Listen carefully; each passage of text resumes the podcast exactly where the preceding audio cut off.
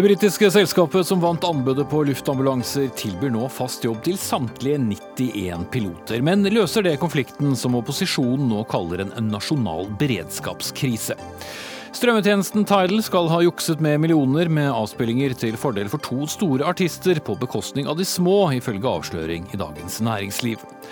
En 100 ufør tidligere reality-deltaker stilte som ordførerkandidat i Hvaler Høyre, og vant nominasjonsprosessen til tross for intern motstand, og nå har 19 av 68 medlemmer meldt seg ut av partiet i protest. Og etter årelang debatt innad i Arbeiderpartiet støtter de nå nedleggelse av Andøya flystasjon, og det er langt fra populært i lokalpartiet.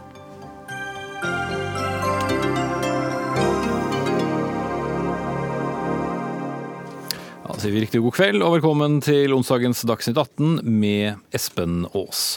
Og først av alt skal vi altså til krisen rundt luftambulansen. Og nå i ettermiddag så har altså det svenske selskapet som eh, har vunnet anbudskonkurransen, tilbudt alle de 91 eh, pilotene i lufttransport fast jobb. Og Torbjørn Lote, administrerende direktør i NHO Luftfart, hvor viktig er det som nå skjer?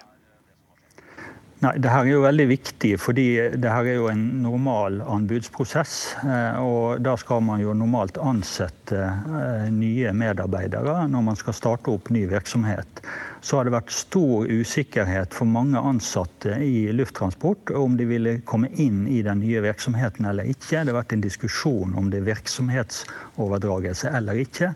Eh, for å skjære den usikkerheten unna og, og få ro i systemet, eh, så har selskapet nå valgt å gå ut og tilby samtlige 91 piloter i lufttransport fast jobb fra 2019 av.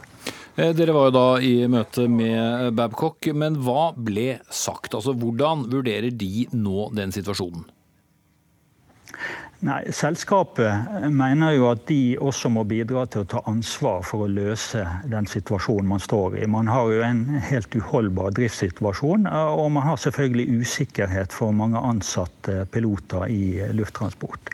Da er det en måte å gjøre det på, eh, å skjære igjennom og si at OK, Eh, de som da er usikre på om de har en jobb i 2019 eller ikke, vil få tilbud om jobb i det nye selskapet. Og da på de lønns- og arbeidsvilkårene som man tidligere har diskutert, eh, og som partene synes å være enige om. Eh, Flygerforbundet sier jo at de skal vurdere det som nå kommer seriøst, men reagerer også på at de ikke har blitt kontaktet og har fått informasjon nærmest eh, via oss eh, journalister. Har det vært en god fremgangsmåte?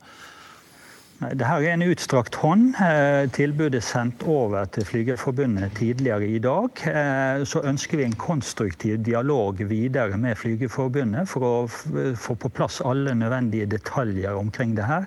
Det er jo ikke vanlig at man gir tilbud om fast jobb 14 måneder før oppstart i en sånn situasjon, men det velger selskapet nå å gjøre, nettopp for å bidra til å løse situasjonen for de ansatte, og selvfølgelig sikre driften i den resterende perioden perioden av eksisterende anbudsperiode. Hva forteller det oss om eh, dramatikken eh, rundt det som nå har skjedd de siste dagene? Nei, det, det, betyr jo at man får gitt tilbud om fast jobb. At det er ingen usikkerhet for de som føler at eh, det brenner under beina med hensyn til fremtidig jobbsikkerhet. Og det betyr at eh, man tilbyr da svært gode lønns- og arbeidsbetingelser for alle pilotene i lufttransport, i samsvar med det bransjenivået man har i norsk luftfart i forhold til SAS, Widerøe og Norwegian og andre eh, kommersielle oppdrag aktører i Norge. Ok, Da sier vi takk til deg, Torbjørn Lote, administrerende direktør i NHO Luftfart. Og denne saken har jo dominert eh, det politiske bildet eh, nå i, i flere dager. Og Bent Høie, eh, stadig helseminister fra, fra Høyre. Beroliger dette deg? Jeg er veldig glad for at det nå ser ut til å være en bevegelse mellom, mellom partene. Fordi i det ligger det òg en mulig løsning. Men dette er jo spørsmål som òg partene må eventuelt diskutere og, og, bli enige om. Men det at det nå skjer en bevegelse, er jeg veldig glad for. Mm. Hva sier du til folk i dag, særlig i nord, som er så avhengig av å ha en beredskap om Ja, har vi en beredskap? Ja, Vi har en beredskap. Jeg er lei, veldig lei for at vi kom til denne situasjonen. Det er en krevende situasjon, og spesielt krevende for de som jobber i helsetjenesten i Nord-Norge. For dette betyr en betydelig økt belastning for de. De står i veldig mange vanskelige avveininger i en sånn situasjon. Mm. Bare veldig kort, Hva er beredskapen hvis noen uh, frykter for en komplisert fødsel en ulykke? Beredskapen i dag er uh, nesten mot det som er vanlig, for i dag har de fleste flyene vært til, til, stede. Vi har i tillegg da et ekstra helikopter med lege og helsepersonell stående i, i Kirkenes, som er en del av avtalen som vi har med Forsvaret, som har utløst i denne situasjonen. Og det har også skjedd en rekke andre styrkinger Eh, av helsetjenesten flere, flere, steder for å håndtere dette. Et ekstrafly i, i Tromsø. Eh, men eh, så er det jo sånn at dette kan endre seg fra dag til dag. Det er òg årsaken til at det er da, konkrete tiltak som er satt i verk, og planer for ytterligere tiltak hvis situasjonen skal forverre seg. Mm. Føler du at du har kontroll og oversikt? Ja, Det er jo helsetjenesten sjøl som vurderer forsvarligheten i, i, tjenesten. Eh, de tilbakemeldingene som jeg nå får, er at dette bidrar til at tjenesten er forsvarlig, og at vi til nå ikke har hatt eh, situasjoner som eh, går utover liv og helse, selv om det har vært krevende situasjoner, og situasjoner som gjerne skulle vært unngått. Mm. Ingvild Kjerkol, stortingsrepresentant for Arbeiderpartiet, med oss på linje nå. Dere har kalt dette en nasjonal unntakstilstand. Hva legger dere i det? Det legger vi i at uh, situasjonen har vært ekstraordinær. Uh, det er vitnesbyrdene til fagfolkene som uh, helseministeren også sier har ansvaret for tjenesten, om at dette har vært særs krevende. Man har, ikke, man har visst fra time til time hvor tilgjengeligheten på ambulansefly har vært og ikke. Så vi har hørt fagfolkenes beretninger om krevende døgn de siste ukene. Det har, blitt, eh, det har, kommet forslag om å annullere hele denne kontrakten til 2,6 eh, milliarder kroner. Eh, er det klok neste skritt? Nå er det jo et utspill fra den nye operatøren. Jeg forstår jo veldig godt at operatøren ønsker å få tak i det personellet som i dag har den nåværende operatøren som sin arbeidsgiver. Det vil jo være hele premisset for å kunne levere dette oppdraget i tråd med den kontrakten man har fått. Så får man jo avvente og se hva det gir av resultater. Om det er sånn at eh, pilotene eh, tar, tar en ny arbeidsgiver og, og blir med over, fordi at man trenger kvalifisert personell til å utføre disse oppdragene oppgavene der ute. Det er det dette handler om. Og I Norge så har vi en helt fantastisk eh, spiss eh, luftambulanse, som er selve limet i eh, helsetjenesten, hvor du får avansert medisinsk behandling nesten utafor stuedøra di når uhellet inntreffer og sykdom oppstår. Og det er jo den tjenesten som har vært slått ut i de siste dager og døgn, med at man ikke kunne ha regna med flyene, som er en viktig brikke i denne kjeden av, av kompetanse. Men vil dere støtte så, så forslag om å annullere kontrakten? Nei, nå kommer helseministeren etter eh, krav fra Arbeiderpartiet, SV og Senterpartiet til Stortinget og redegjør for situasjonen i, eh, til uka, tirsdag. Eh, og vi har sagt at vi avventer helseministeren sin redegjørelse. Han må jo også ha en plan for beredskapen i de kommende døgn.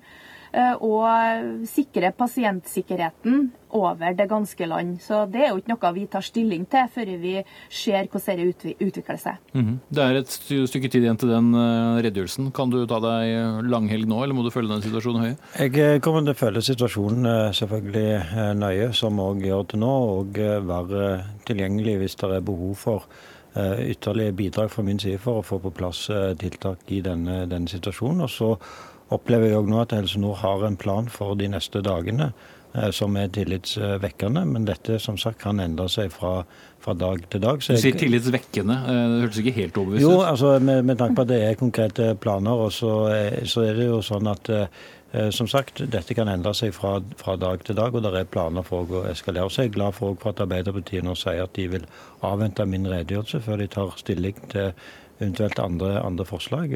For det tror jeg òg er klokt. Mm. Kjerkol, du virker noe ja. mer beroliget nå. Det er kanskje ikke pga. Høie, men kanskje mer på, på det utspillet som har kommet? Ja, men vi vet ikke noe mer eh, om situasjonen i dag enn hva vi gjorde i går. Vi vet at eh, Arbeidsgiverforeninga til den nye operatøren har kommunisert et tilbud til alle som ønsker å bli med over, etter da de, eh, de betingelsene man hadde blitt enige om for eh, bare kort tid siden. Eh, og til den beredskapsplanen som Bent Høie støtter seg på, så er vi fortsatt bekymra fordi at fagfolkene ved Universitetssykehuset i Tromsø de karakteriserer denne beredskapsplanen rett og slett for å være gasspinn på åpne brudd. Det er ordene de bruker. Og dette er jo vakthavende leger som sitter med det operative ansvaret på AMK-sentralen og skal ha oversikten over eh, beredskapen. Så jeg tror ikke, jeg tror ikke et utspill fra Arbeidsgiverforeninga til den nye operatøren er nok til å si at situasjonen er under kontroll. Det må jo være fly i operativ tjeneste hvis at eh, den medisinske beredskapen skal være i orden. Men i den grad det går an å påberope seg noen brukbar etterpåklokskap her, da, Kjerkol, var det så veldig mye annerledes eh, departementet kunne gjort? Anbudskonkurransen var jo en helt vanlig eh, anbudskonkurranse. Selvfølgelig kunne man gjort det her annerledes. Og eh, Den forrige helseministeren satte ned et utvalg til å se på de prehospitale tjenestene. Det betyr alt det som skjer før du kommer til sykehus. Der luftambulansen er høyspesialisert og en kjempeviktig tjeneste. Den eh, innstillinga kom i 2015, og siden den kom, så har Stortinget etterspurt å få fulgt opp disse anbefalingene. De omtaler sårbarheten i det anbudsregimet som brukes for å utføre eh, luftambulansetjenestene, hvor man starter et par år før nytt anbud med usikkerhet, og eh, operatørene bur seg på konkurranse. Men sånn er det jo i hver anbudskonkurranse. Den faglige utviklinga. Ja, men det her er jo noe som eh, Akuttutvalget har anbefalt at man bør utrede grundig, og det har Stortinget også etterspurt. Når Stortinget behandla Nasjonal helse- og sykehusplan, alt det som skjer inni sykehusene, så var det en hovedkritikk fra Stortinget at helseministeren ikke omtalte disse tjenestene, som er viktig for hele beredskapen. Det okay. handler om eh, sikkerhet for liv og helse, og det har ikke helseministeren gjort. Og så synes jeg jo også ja, Vi skal la Bent Høie få svare på det eh, først, det er... Eh, Kjerkol. Eh, nå ble det mange ting ja. her, men uh, den konkrete kritikken?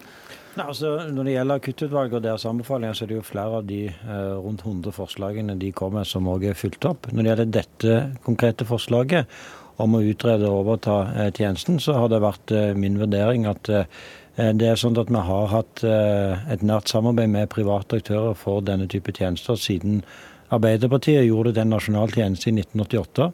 Eh, og det har vært ute på anbud ved, ved jevne mellomrom siden det. Eh, som har bidratt nettopp til den eh, flotte tjenesten som vi, har, og som jeg også oppfatter at eh, Kirka omtaler i. Uh, og vi har vært igjennom den type prosesser. Men du er sikker på hva som kommer? Uh, og jeg, jeg, min, Mitt utgangspunkt er at jeg mener at dette har vært en god modell. Vi har flyene som drives av private, men er en del av den offentlige tjenesten. Vi har helikoptrene som drives av private men som en del av offentlige tjenester. Og vi har båtene som også stort sett drives av private. Bilene er i all hovedsak nå offentlig, offentlig regi. Eh, og så er det jo sånn at eh, det å drive et flyselskap, det å drive et helikopterselskap, det er eh, komplisert. Eh, og jeg er ikke sikker på at det er eh, virksomheter som ellers driver helsetjenester, som nødvendigvis er de som er best egnet til å gjøre det. Og Det som har vært min vurdering til nå, men ønsker en videre utredning av det, så er jeg selvfølgelig åpen, åpen for det. Men det vil ikke løse den situasjonen som vi står i nå. Men Tar du noe selvkritikk på hvordan dette har gått, eller var det umulig å forutse at vi skulle havne der vi nå har havnet? Altså det, er jo, det, er jo, sånn at Vi vet at eh, overganger mellom selskaper kan være eh, krevende, men vi har vært igjennom dette før uten at det har denne type konsekvenser. og Vi er jo nå eh, snart ferdig med å overføre ansvaret for tre av våre helikopterbaser, og etter en, et tilsvarende anbud der det samme selskapet som tapte nå, òg tapte tre helikopterbaser, uten at det har gitt tilsvarende utslag. Så, men, men, vi må lære av enhver prosess selvfølgelig og se om det er forbedringspunkter. Mm. Ja, jeg synes Det er helt utrolig at helseministeren sitter og sier at dette er en god modell etter de siste døgns unntakstilstand ved, i store deler av landet. Hvor man har strekt fagfolkenes eh, både tid og evner for å berge liv, og heldigvis har det ikke gått liv. Det er sånn at når man utlyste helikopteranbud på Svalbard, så la man inn krav om virksomhetsoverdragelse i kriteriene for å sikre nøkkelpersonell over i den nye tjenesten hvis det skulle bli valg av en ny operatør. Det valgte man å ikke gjøre eh, under helseministeren sitt ansvar. Og det er jo det som har ført til alle disse denne situasjonen som vi har hatt nå, hvor det har vært usikkerhet om fremtidig arbeidsplass, hvor det har vært eh, beredskap som har vært slått ut. Og vi hører jo på oppspillet her fra NHO at man ikke har klart for seg om det her er en virksomhetsoverdragelse eller ikke. Så her er det skapt helt unødvendig usikkerhet rundt en kritisk viktig tjeneste. Mm. Og for alle dem som har levd med denne usikkerheten de siste døgnene, så syns jeg det er en lite ydmyk helseminister som sitter i studio og sier at det her er en veldig okay, god veldig, modell. Veldig kort til slutt, eh, Bent Høie, om du vil være ydmyk eller ei, men du skal i hvert fall få svare. Altså, Jeg eh, mener at uh, Eh, som jeg har sagt, dette er en veldig kritisk situasjon. og Min hovedoppmerksomhet i den situasjonen har vært å nettopp eh, bidra til at vi gir befolkningen eh, et best mulig tilbud, at de rammes minst mulig av den situasjonen. Og Så kan vi politisk eh, diskutere hva skal være kriteriene for anbud, om dette skal være en tjeneste som skal fases inn eller ei. Eh, men, eh, men, det er ikke spørsmål som nå vil løse den situasjonen som befolkningen i Nord-Norge står i akkurat nå. Mm. Veldig mange kommer til å følge med på hva som skjer de neste dagene. Takk skal du ha, Bent Høie, eh, helseminister, og Ingvild Kjerkol, stortingsrepresentant for Arbeiderpartiet. Og vi får bare beklage den linjen vi hadde på sistnevnte fra eh, Trondheim. Kanskje den burde også vært eh, satt eh, ut på anbud. Takk skal dere ha.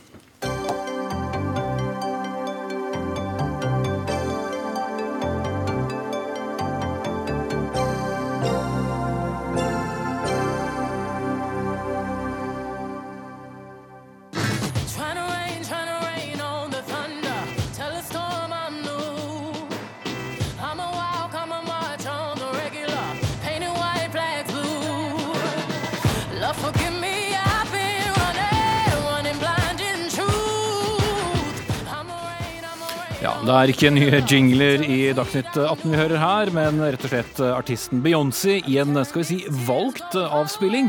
For det er visstnok ikke alltid tilfellet. I hvert fall ikke hvis vi skal tro Dagens Næringsliv, som i dag publiserte en sak der det, har, det kommer frem at strømmetjenesten Tidal, som tidligere var norsk og het Wimp, har jukset stort med strømmetallene.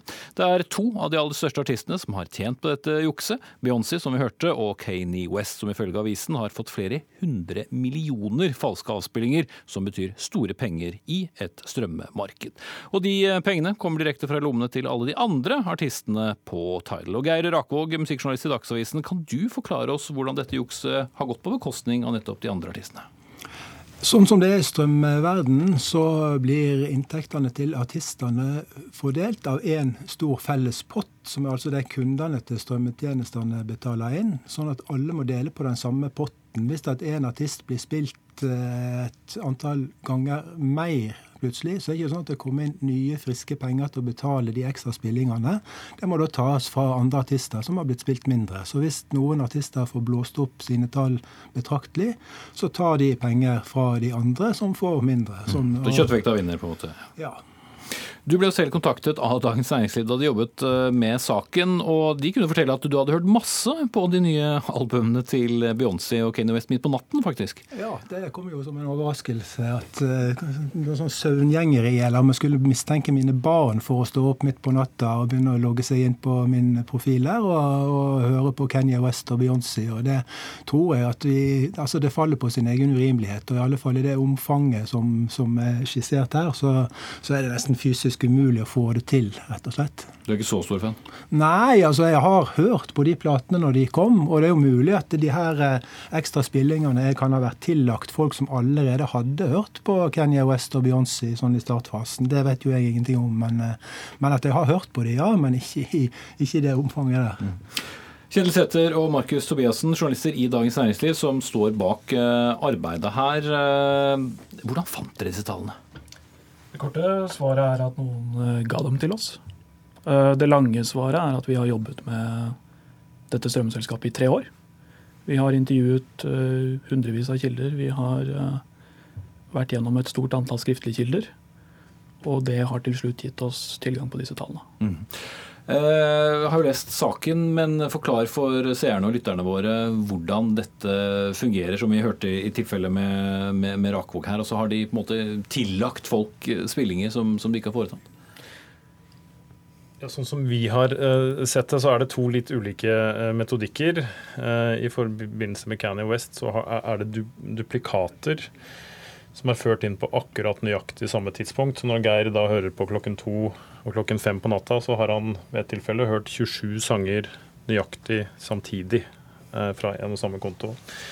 Når det gjelder eh, Det skal noe til å, å, få til, særlig på det tidspunktet? Vil tenke at det er litt spesielt. Um, når det gjelder uh, Beyoncé, så viser jo da analysen, som, som vi har også fått NTNU til å hjelpe oss med, uh, at det er uh, et mer sinnerikt system hvor på en måte disse spillingene følger noen mønstre Eh, så det er litt vanskeligere å oppdage. Det er mer eh, direkte da i Canny West sitt tilfelle. Mm.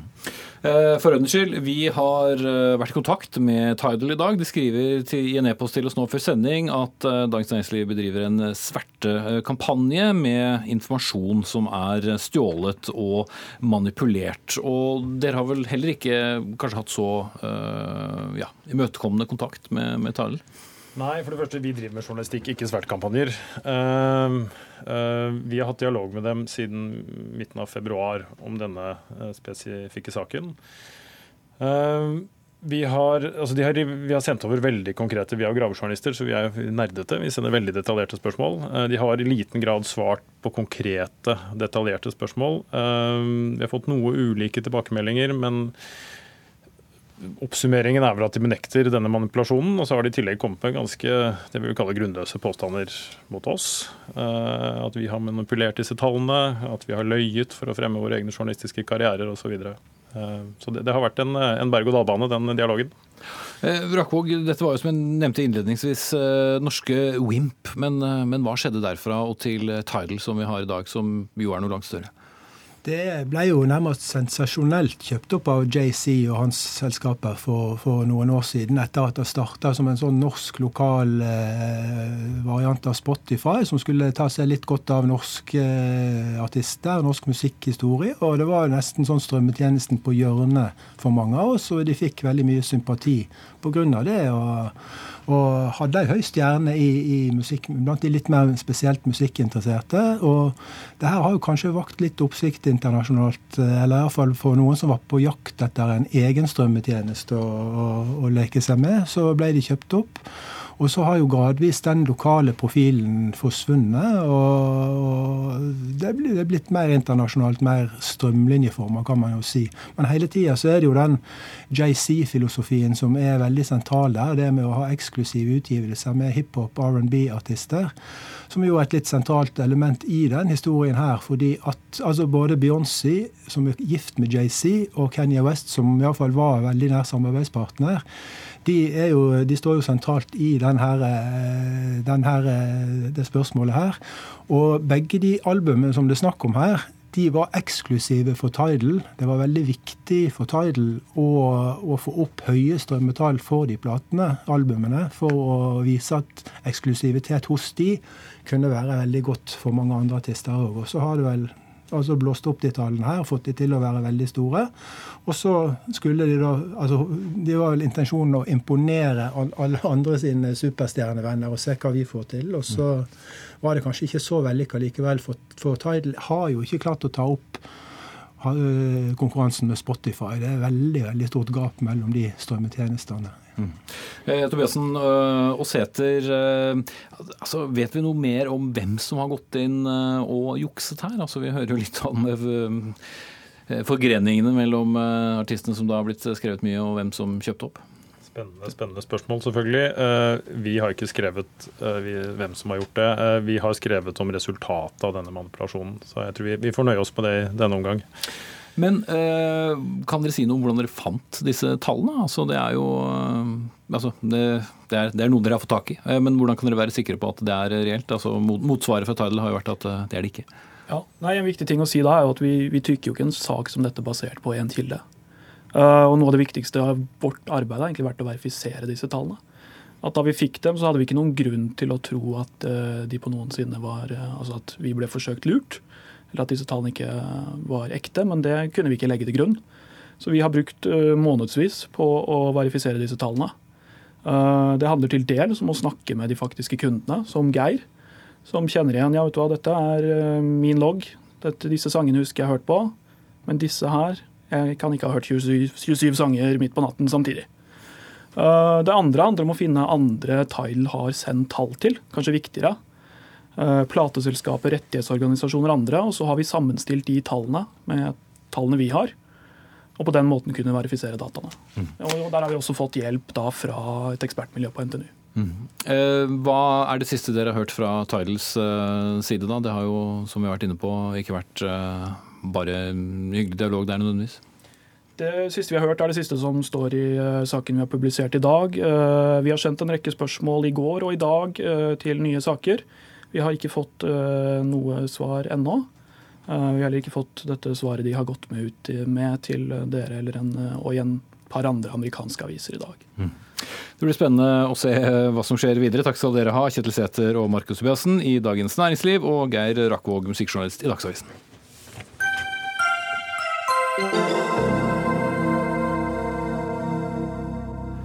Da skal vi eh, bevege oss over i lokalpolitikken, vi. For eh, som vi vet, så er det kommune- og fylkestingsvalg neste år. Og nominasjonene av ordførerkandidatene, vel, de er i full gang eh, i blant partiene. Og i Hvaler kommune i Østfold gikk det i forrige uke mildt sagt hett for seg i Høyre. Hvaler Høyre hadde mandag ettermiddag mottatt 90 13 utmeldinger blant de 68 medlemmene etter at den tidligere realityshow-deltakeren Marita Vennevold Hollen ble nominert til ordførerkandidat. Blant de utmeldte er varaordfører Kim Erik Ballovare og gruppeleder Bjarte Bjønnes. Hovedbegrunnelsen for utmeldelsene er at Marit Vennevold Hollen er 100% ufør. Og Ottar Johansen, du er tidligere leder i nominasjonskomiteen i eh, Høyre.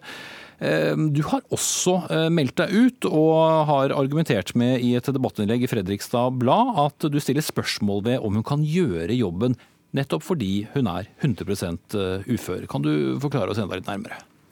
Ja, Det ligger jo nettopp i det at du er 100% ufør. Da er det grunn til å stille spørsmål om hun kan ta en 100% ordførerposisjon. For det å være ordfører det er en krevende jobb.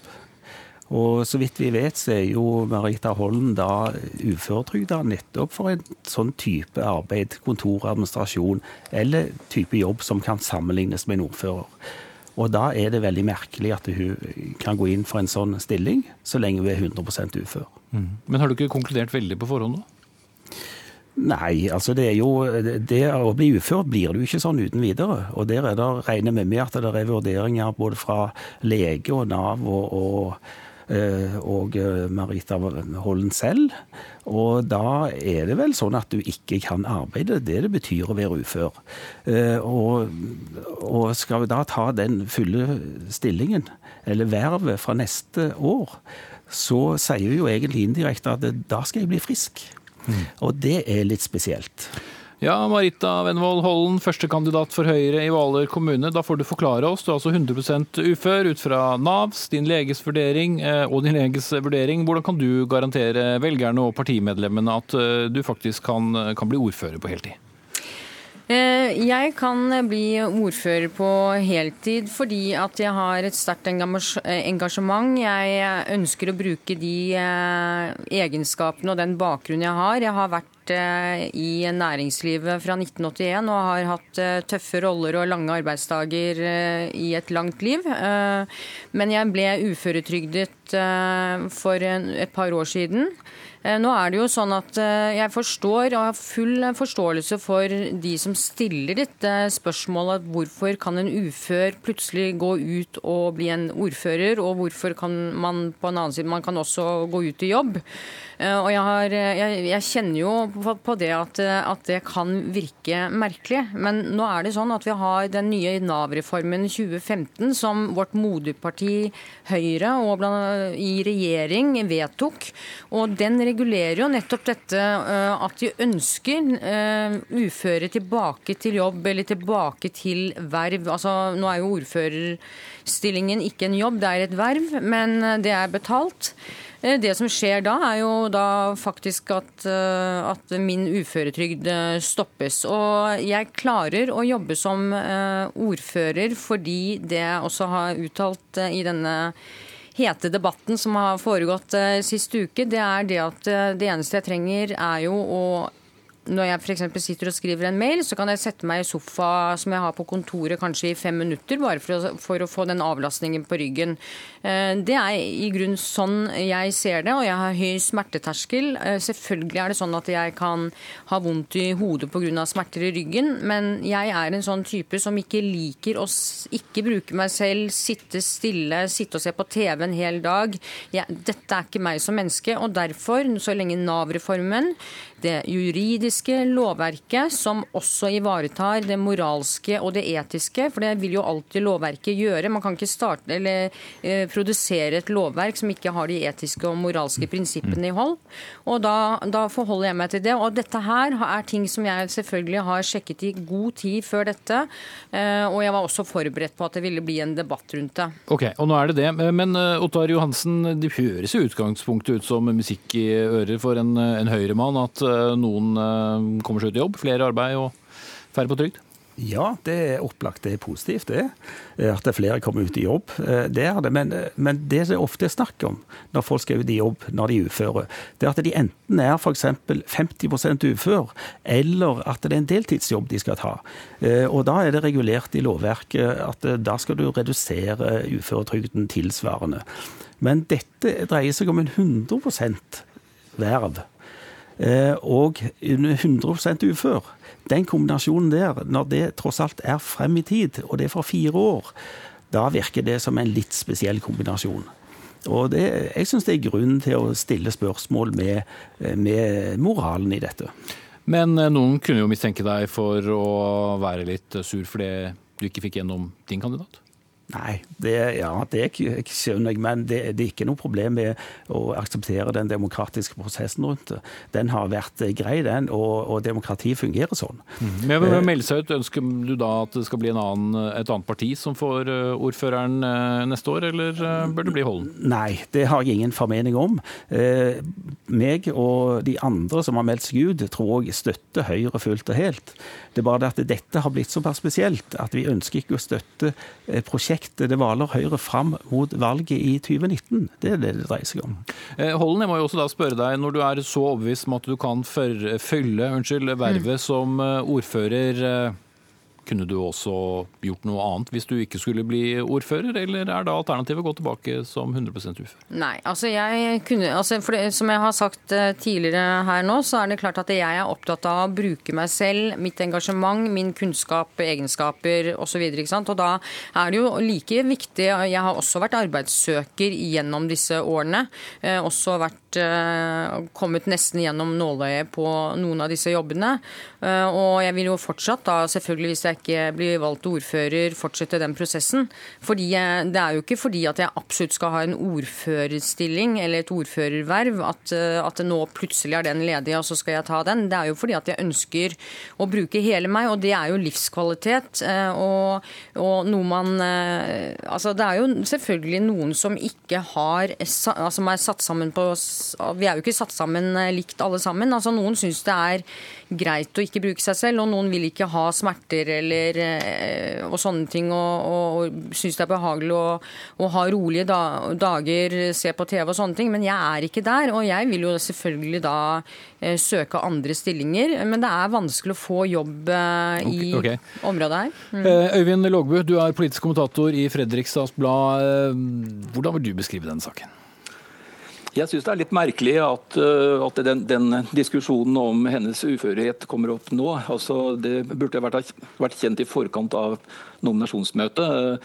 Det må ikke diskvalifisere noen å være fra stille til politikk eller til, til verv og være ufør. Altså, det at man stiller opp på den måten, syns jeg bare er positivt. Så jeg stusser litt på den argumentasjonen at det skal diskvalifisere henne. Jeg tror heller at det skyldes at man reagerer på at hun fikk så mange stemmer på nominasjonsmøtet. At det er en, kanskje en reaksjon på at, at de ble overrasket, og bruker dette her som argument. Jeg syns det er litt merkelig argumentasjon. Mm. Hvordan har dette da preget politikken? Eh, de fleste som hører på har vel ikke fulgt den like tett som deg og, dere tre?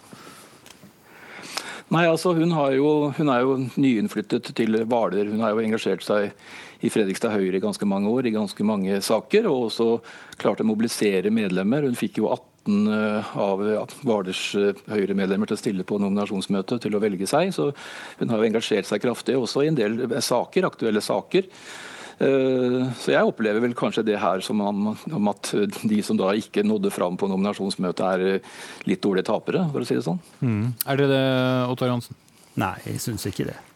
Uh, det. Jeg skjønner det, men, men, her er det jo, altså denne her er jo, nominasjonsprosessen har jo bestått av flere ting. Det er flere kriterier som ligger til grunn. men er det ikke partidemokratiet som alltid skal vinne, da? Jo, og det er jo det, det dere har gjort. Men det er jo sånn at når vi har gått inn for en annen person som vi mente var bedre, og det kommer fram i, på nominasjonsmøtet, da stiller jo medlemmene spørsmål. Og da kom det jo fram dette med uføresaken. Eh, nominasjonskomiteen visste jo om dette på forhånd, og hadde, var en av de tingene som var lagt til grunn. Eh, men medlemmene oppfatter det som veldig spesielt. Og jeg det. Jeg bare ja. høre med deg helt til slutt, eh, Marita Holm. Har dette, denne diskusjonen som har pågått disse dagene, mm. endret uh, dine politiske ambisjoner? Nei, uh, overhodet ikke. Jeg har stått veldig støtt i stormen. Uh, det er mange rundt meg som har vært bekymret for at jeg selvfølgelig skulle knekke sammen, men jeg har absolutt ikke gjort det. Jeg er like giret uh, for å gå videre, og jeg føler at jeg har all, altså alt bak meg i forhold til Nav-reformen og lovverket og sånne ting. Og okay. dette blir jo en stigmatisering av oss som er uføretrygdet. Hadde jeg sittet i vært eh, invalid eh, Og jeg tenker også på de som har sånne type lidelser. altså Man blir jo stigmatisert til å ikke jobbe, og det er mange som kan sitte i rullestol som kan mm. være uføre og jobbe 100% Så det er jo derfor eh, også denne reformen kom i 2015. Ja, jeg må sette strek der. Valget er som vi vet først til neste år. Takk skal du ha, Marita Benvold Holm, førstekandidat for Høyre i Hvaler kommune. Ottar Johansen, tidligere leder i nominasjonskomiteen i Høyre, og Øyvind Rågbu, politisk kommentator i Fredrikstads Blad.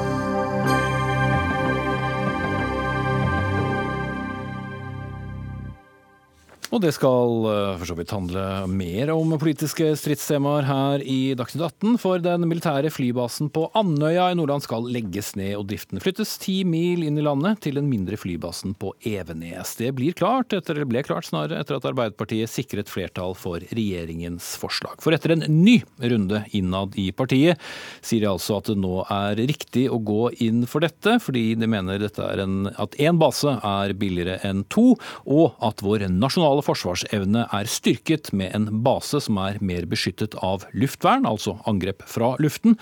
Eh, men likevel så er det flere som reagerer da. Og du Kjell Arne Johansen, eh, Nordlands fylkestingsrepresentant fra Arbeiderpartiet og tidligere Andøy-ordfører, eh, hva reagerer du mest på? Nei, først og fremst er jeg særdeles skuffet over Arbeiderpartiet i dag eh, velger å opprettholde sitt eh, tidligere vedtak om å legge ned Andøya, og bli et haleheng til regjeringa fra Høyre og Frp, som da kom med dette forslaget i 2016. Eh, vi syns ikke dette er et godt begrunna forslag eller vedtak, og vi syns heller ikke at de har tatt inn over seg de eh, tilbakemeldingene som kom i KS1 som ble levert tidligere i april. Eh, så partiet gjør det ikke godt for oss her i Nord-Norge. Mm. Men Kjell Are Johansen, før stortingsvalget i fjor så gikk du faktisk så langt som å si at du ville stemme på et annet parti pga. denne saken. Eh, du gjorde vel kanskje ikke det til slutt, for det, det kom noen motstridende meldinger om, om hvor partiet ditt skulle lande. Men er dette noe du nå vil ja, vurdere å gjøre enn ved neste valg, nå som beslutningen er tatt? Nei, altså Vi skal gå mot et kommunevalg til neste år, høst. Jeg syns det er viktig å ha solide parti, store parti på Stortinget. Og jeg mener at Arbeiderpartiet fortsatt vil være et viktig parti på landsbasis. Men det skal man få oss til å stemme på partiet, så må partiet i sterkere grad lytte til grasrota. De må i sterkere grad lytte til fagbevegelsen. Her har LO unisont sagt ifra at dette forslaget som ja, er vedtatt, er ikke til gunst for Forsvaret, til gunst for uh, det norske folk.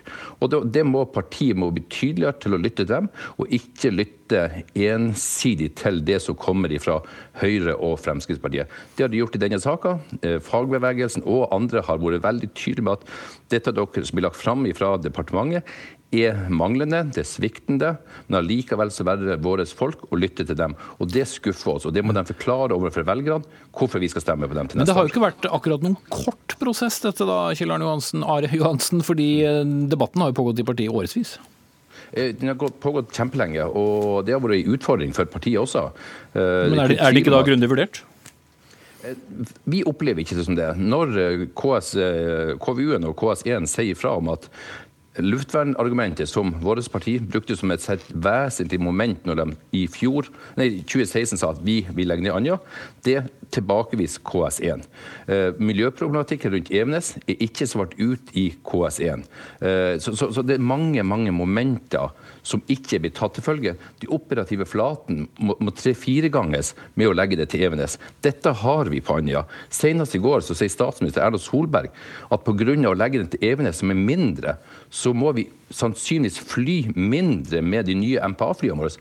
Og Det er jo en fallitterklæring den situasjonen spenninga er nå, at vi skal fly mindre pga. vi skal flytte basen ti mil til et område som ikke har kapasitet til å ta imot.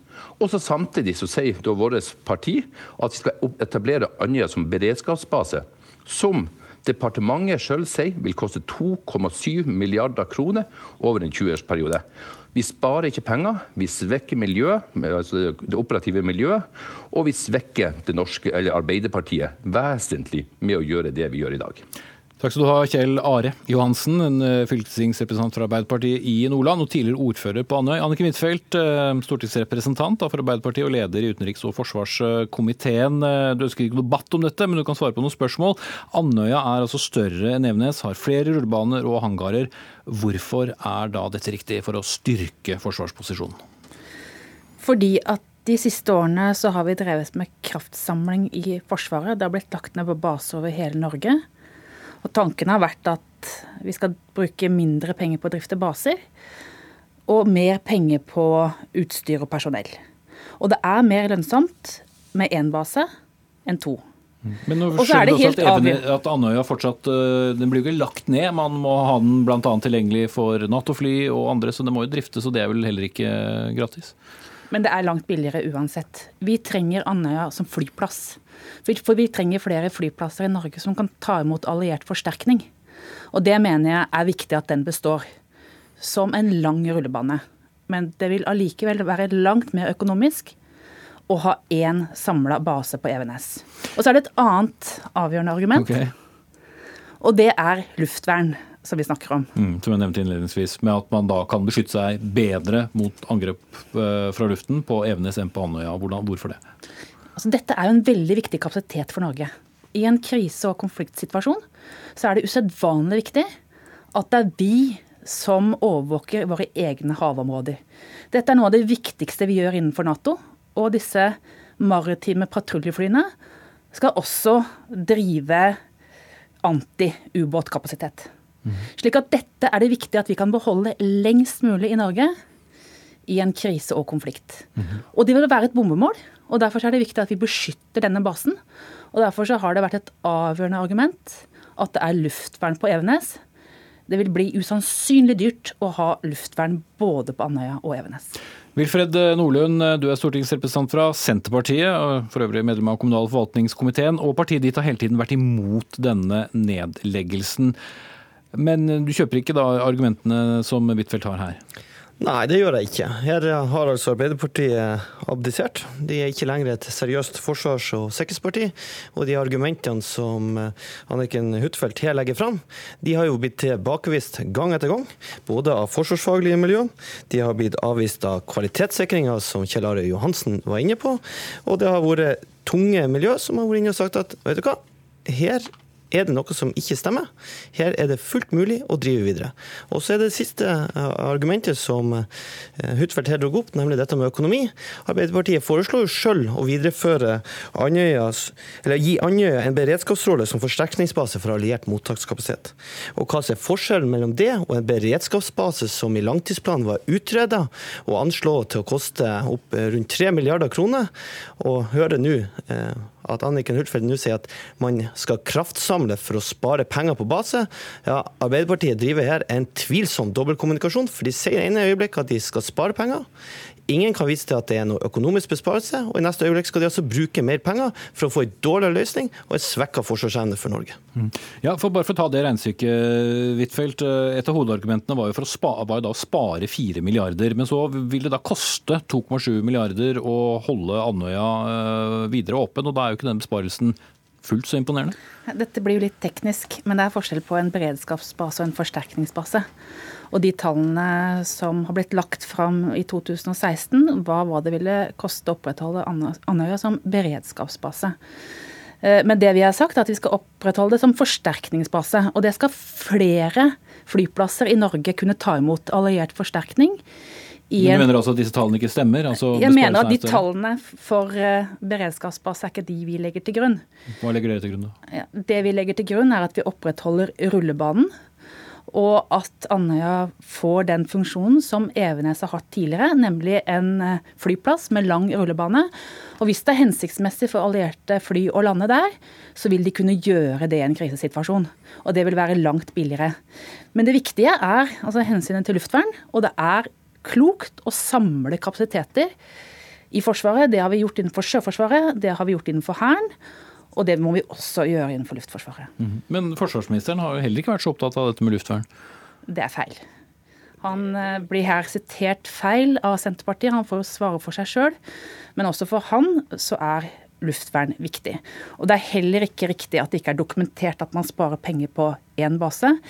Nå er forsvarsmateriell veldig dyrt, og da er det viktig at vi bruker pengene på nytt materiell, at vi bruker det på personell framfor å opprettholde en kostbar basestruktur. Mm. Men det er selvfølgelig svært alvorlig for Andøya, hvor dette har vært en eh, veldig viktig arbeidsplass. Og det har vært stor diskusjon, veldig mye motstand. og Derfor har det vært viktig for oss å snu hver stein og få alle tall på bordet. Men eh, det å leve enda lenger i uvisshet og skulle vente på nye utredninger, det mener jeg ikke vil være ansvarlig. Mm. Eh, Nordlund? Ja, Det er ikke meninga å, å, skolere medlemmer av forsvars- og utenrikskomiteen. Men altså det å beholde en base som beredskapsbase, det skal altså innebære at Forsvaret viderefører nødvendig infrastruktur for egne og eller allierte operasjoner i krise og væpna konflikt uten at norske avdelinger er stasjonert der i fredstid. Det er et sitat fra langtidsplanen. Det var et av alternativene som løfta opp som en mulig løsning, at man videreførte Andøya som det. Det er beregna til 2,7 milliarder. Og når Arbeiderpartiet nå forsøker bevisst å skape forvirring om hva det er som er en beredskapsrolle og en forsterkningsbase og en beredskapsbase, ja, så er jo det bare trist. Og det viser det at eh, man ikke lenger kan ta Arbeiderpartiet seriøst i eh, forsvar- og sikkerhetsspørsmål her. Jeg husker også rett før valget i fjor så sa jo også Espen Barth Eide hos dere at eh, dere vil vurdere dette på nytt. Eh, har det vært så vanskelig å falle ned på eh, noe endelig her? Altså, da vi fatta denne beslutninga på Stortinget i 2016, så var det jo 80% av stortingsrepresentantene som stemte for. Og da sa vi at hvis det fremkommer nye opplysninger, så plikter regjeringen å gi de til Stortinget og det har vi sagt hele veien. Er det slik at Evenes blir mye dyrere, så må vi få informasjon. Det sa vi også i valgkampen. Og det var altså jeg og Jonas Gahr Støre og Eirik Sivertsen, som er stortingsrepresentant for Nordland, som la fram et forslag som er grunnen til at jeg sitter her nå. Og vi ba om en gjennomgang. Gjennomgang av hele saken. Og vi fikk også til Stortinget en eh, kvalitetssikring som ikke er foretatt av Forsvarsdepartementet, men eksternt. Og vi går god for den løsningen. Det var ikke grunnlag for å skifte syn, men vi har vært opptatt av å få alle innspill. Dere bare antydet at dere kunne Nei, men Vi har vært opptatt av hele tiden, hvis det fremkommer nye opplysninger som rokker ved dette grunnlaget, så vil vi skifte syn. Mm. Det er ikke noe prestisje for meg knytta til denne beslutningen dersom det viser seg å være ufornuftig. Mm. Men nå har vi altså kommet så langt at hvis vi nå stopper og skal utrede enda mer, så blir hele innføringen av flyene forsinka. De skal komme i 2022.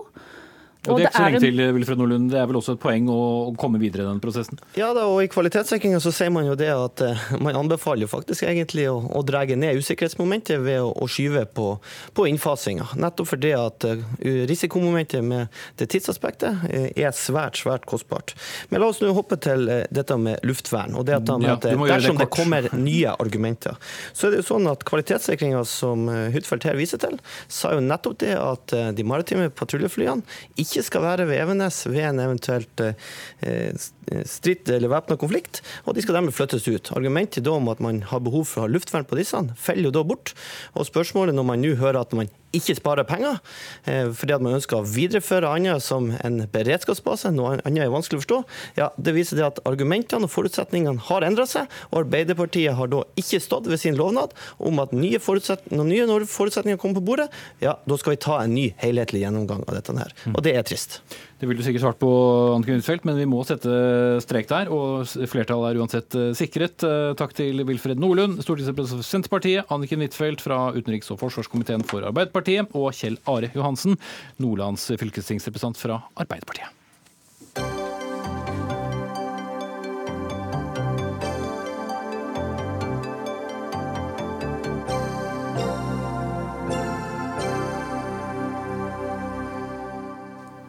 Da skal vi til for så vidt eh, en litt roligere arena, selv om det kanskje kan gå hardt eh, for seg der også. Nemlig skolefritidsordning er siste tema i Dagsnytt 18. Og betalingsproblemer i familien det kan gjøre at barn rett og slett mister plassen. I dag skal alle kommunene ha en skolefritidsordning for barn opptil fjerde trinn, eller klasse som vi også kaller det. Eh, men barna har ikke noen lovfestet rett på plass. Men det vil SV endre på i dag, kan Avisenes nyhetsbyrå melde. og Mona eh, Fagerås, eh, stortingsrepresentant for nettopp eh, SV. Hvorfor trenger vi en lovfestet rett til skolefritidsordning?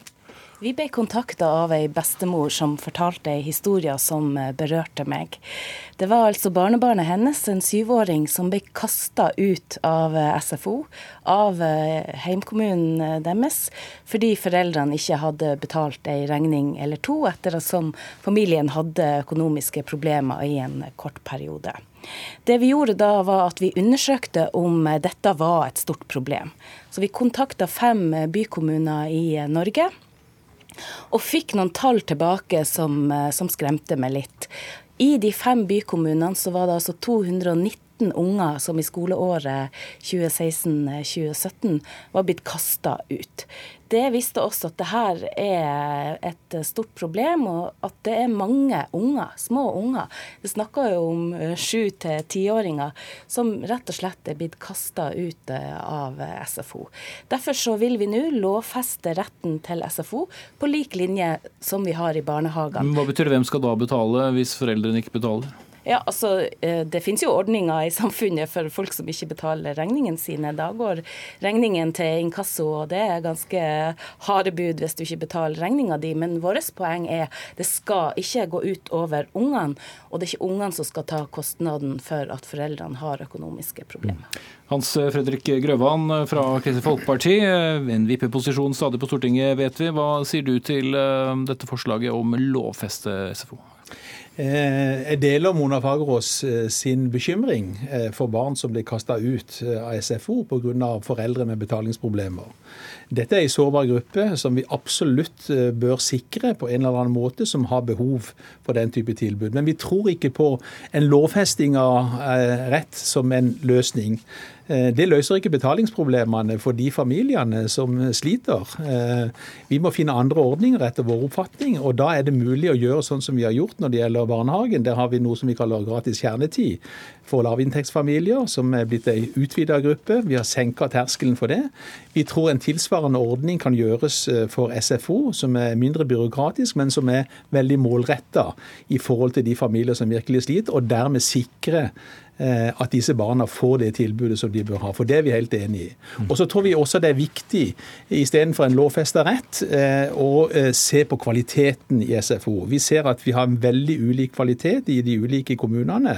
Men det har vel ikke noe med å si om man betaler eller ikke? Nei, det har ikke det. Men vi tror vi må ha mer fokus på det, og ramme kvaliteten inn. Og bruke tid og ressurser på det, og heller finne ordninger, målrette ordninger for å hjelpe de familiene som sliter, og som absolutt har behov for hjelp for å kunne sikre barna sine et godt og et viktig tilbud. For de som ikke har hatt eh, barn på skolen en stund, så er poenget altså at man må betale en egenandel, selv om skolefritidsordningen da skjer i, i skolens regi. Det er en regning man da eh, betaler til eh, kommunen. Men Mona Fagerås, er ikke det en vel så grei ordning? Jo, dette er en ordning som, som er innført i barnehagene. Og det vi mener, det er jo at vi vil ha lave foreldrebetaling både på SFO og barnehager, sånn at alle barn kan lett komme inn på de tilbudene. Det som har skjedd med barnehagene, det er jo det at 17 eh, 000 foreldre som har krav på lavere foreldrebetaling eh, pga. et byråkratisk system, ikke får det. Så Derfor syns vi det er en dårlig løsning. Vi vil heller ha eh, en løsning hvor alle har lav foreldrebetaling og en lovfesta rett. Nettopp fordi at vi ønsker å sikre likebehandling over hele landet, og vi ønsker at det skal være god kvalitet. Så er det jo sånn at eh, KrF og SV har stått sammen om eh, de her barna i veldig mange situasjoner. Og jeg hadde jo håpa at vi også i denne saken eh, kunne ha stått sammen for å sikre disse ungene retten til å gå på SFO. Og både Barneombudet og Foreldreutvalget for grunnskolen har jo vært ute og sagt at nettopp de ungene som trenger dette tilbudet aller best, kan man ikke kaste ut. Det syns jeg er hjerteskjærende, og jeg hadde håpa at eh, KrF var enig med oss i det. Ja, Grøvan. Ja, eh, Samtidig så kan jeg fortsatt ikke se at den lovfesta retten løser noe problem. Det er penger som må på bordet for å kunne gi de en, en, bedre mulighet. Og Jeg kan ikke heller si at en lavere foreldrebetaling for alle eh, skal være løsningen. Det må være målretta i forhold til lavinntektsfamilier. Eh, og det kan løses eh, ved å gi de eh, gratis tid, noen timer hver dag. Eller en kan innføre andre ordninger som gjør at en får en lavere foreldrebetaling inn imot den gruppa. Det tror vi er løsningen, og det er fullt mulig å få til. Mm. For Hvis det er et betalingsproblem, så er det kanskje lettere å ikke kreve betaling? Ja, men de, eh, den ordninga som Grøvan viser til, har jo ikke hjelpa denne gutten som, som hun bestemora har uh, fortalt om. En lovfesta rett ville ha sikra han plass i uh, SFO-en, selv om foreldrene hadde betalingsvansker i en kort periode. Og det er nettopp det vi vil sikre. Dette er ikke ei, løsning som vil koste noe, så derfor så hadde jeg jo håpa at uh, KrF kunne støtta SV i denne saken, nettopp for å hjelpe de unge ungene som er svakest i samfunnet. Ja, for Selv om du mener du har en bedre løsning, hva, hva ser du som problematisk med en uh, sånn uh, modell? Uh, Nei, I og med du får sikret hvert fall at, at, barnet til enhver tid kan benytte seg av tilbudet? Jo, men du løser ikke det som er hovedproblemet med den ordningen, nemlig foreldrenes betalingsproblemer. Foreldrene må jo fortsatt betale, selv om de har en lovfesta rett.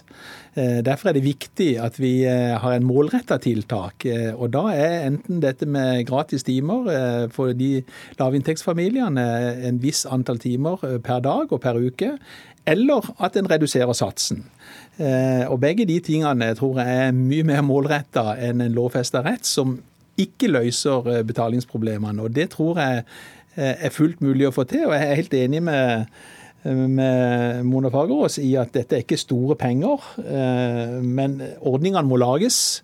Og det skal jeg gjerne stille opp sammen med SV for å finne de gode ordningene. Men for dere er enige om at eh, skolefritidsordning er en god ordning, særlig for eh, ja, eh, ja, barn fra, fra lavinntektsfamilier? Jeg tror mange av de har absolutt behov for det, og at en bør som sagt også jobbe med et bedre tilbud gjennom en bedre kvalitet. Så det må vi sørge for. Men jeg tror vi kan gjøre det på en måte hvor vi lager kriterier à la det vi har gjort for, for barnehagen å løse problemet på, på, den måten der. Og Jeg setter meg gjerne ned sammen med SV for å finne gode ordninger på dette. Det er ikke de store pengene, men det betyr noe for de barna det gjelder. Mm. Der er i hvert fall uh, enige, og jeg er enig med meg selv om at det er et halvt minutt, ja, minutt igjen av sendingen, så jeg sier takk til eh, Hans Fredrik Grøvan fra Kristelig Folkeparti og Mona Fagerås fra SV, begge stortingsrepresentanter. Ansvarlig for denne sendingen var Dag Dørum, teknisk ansvarlig Finn Lie. I studio Espen Aas. Det blir ikke noe Dagsnytt 18 i morgen, men vi er tilbake igjen på fredag. God kveld.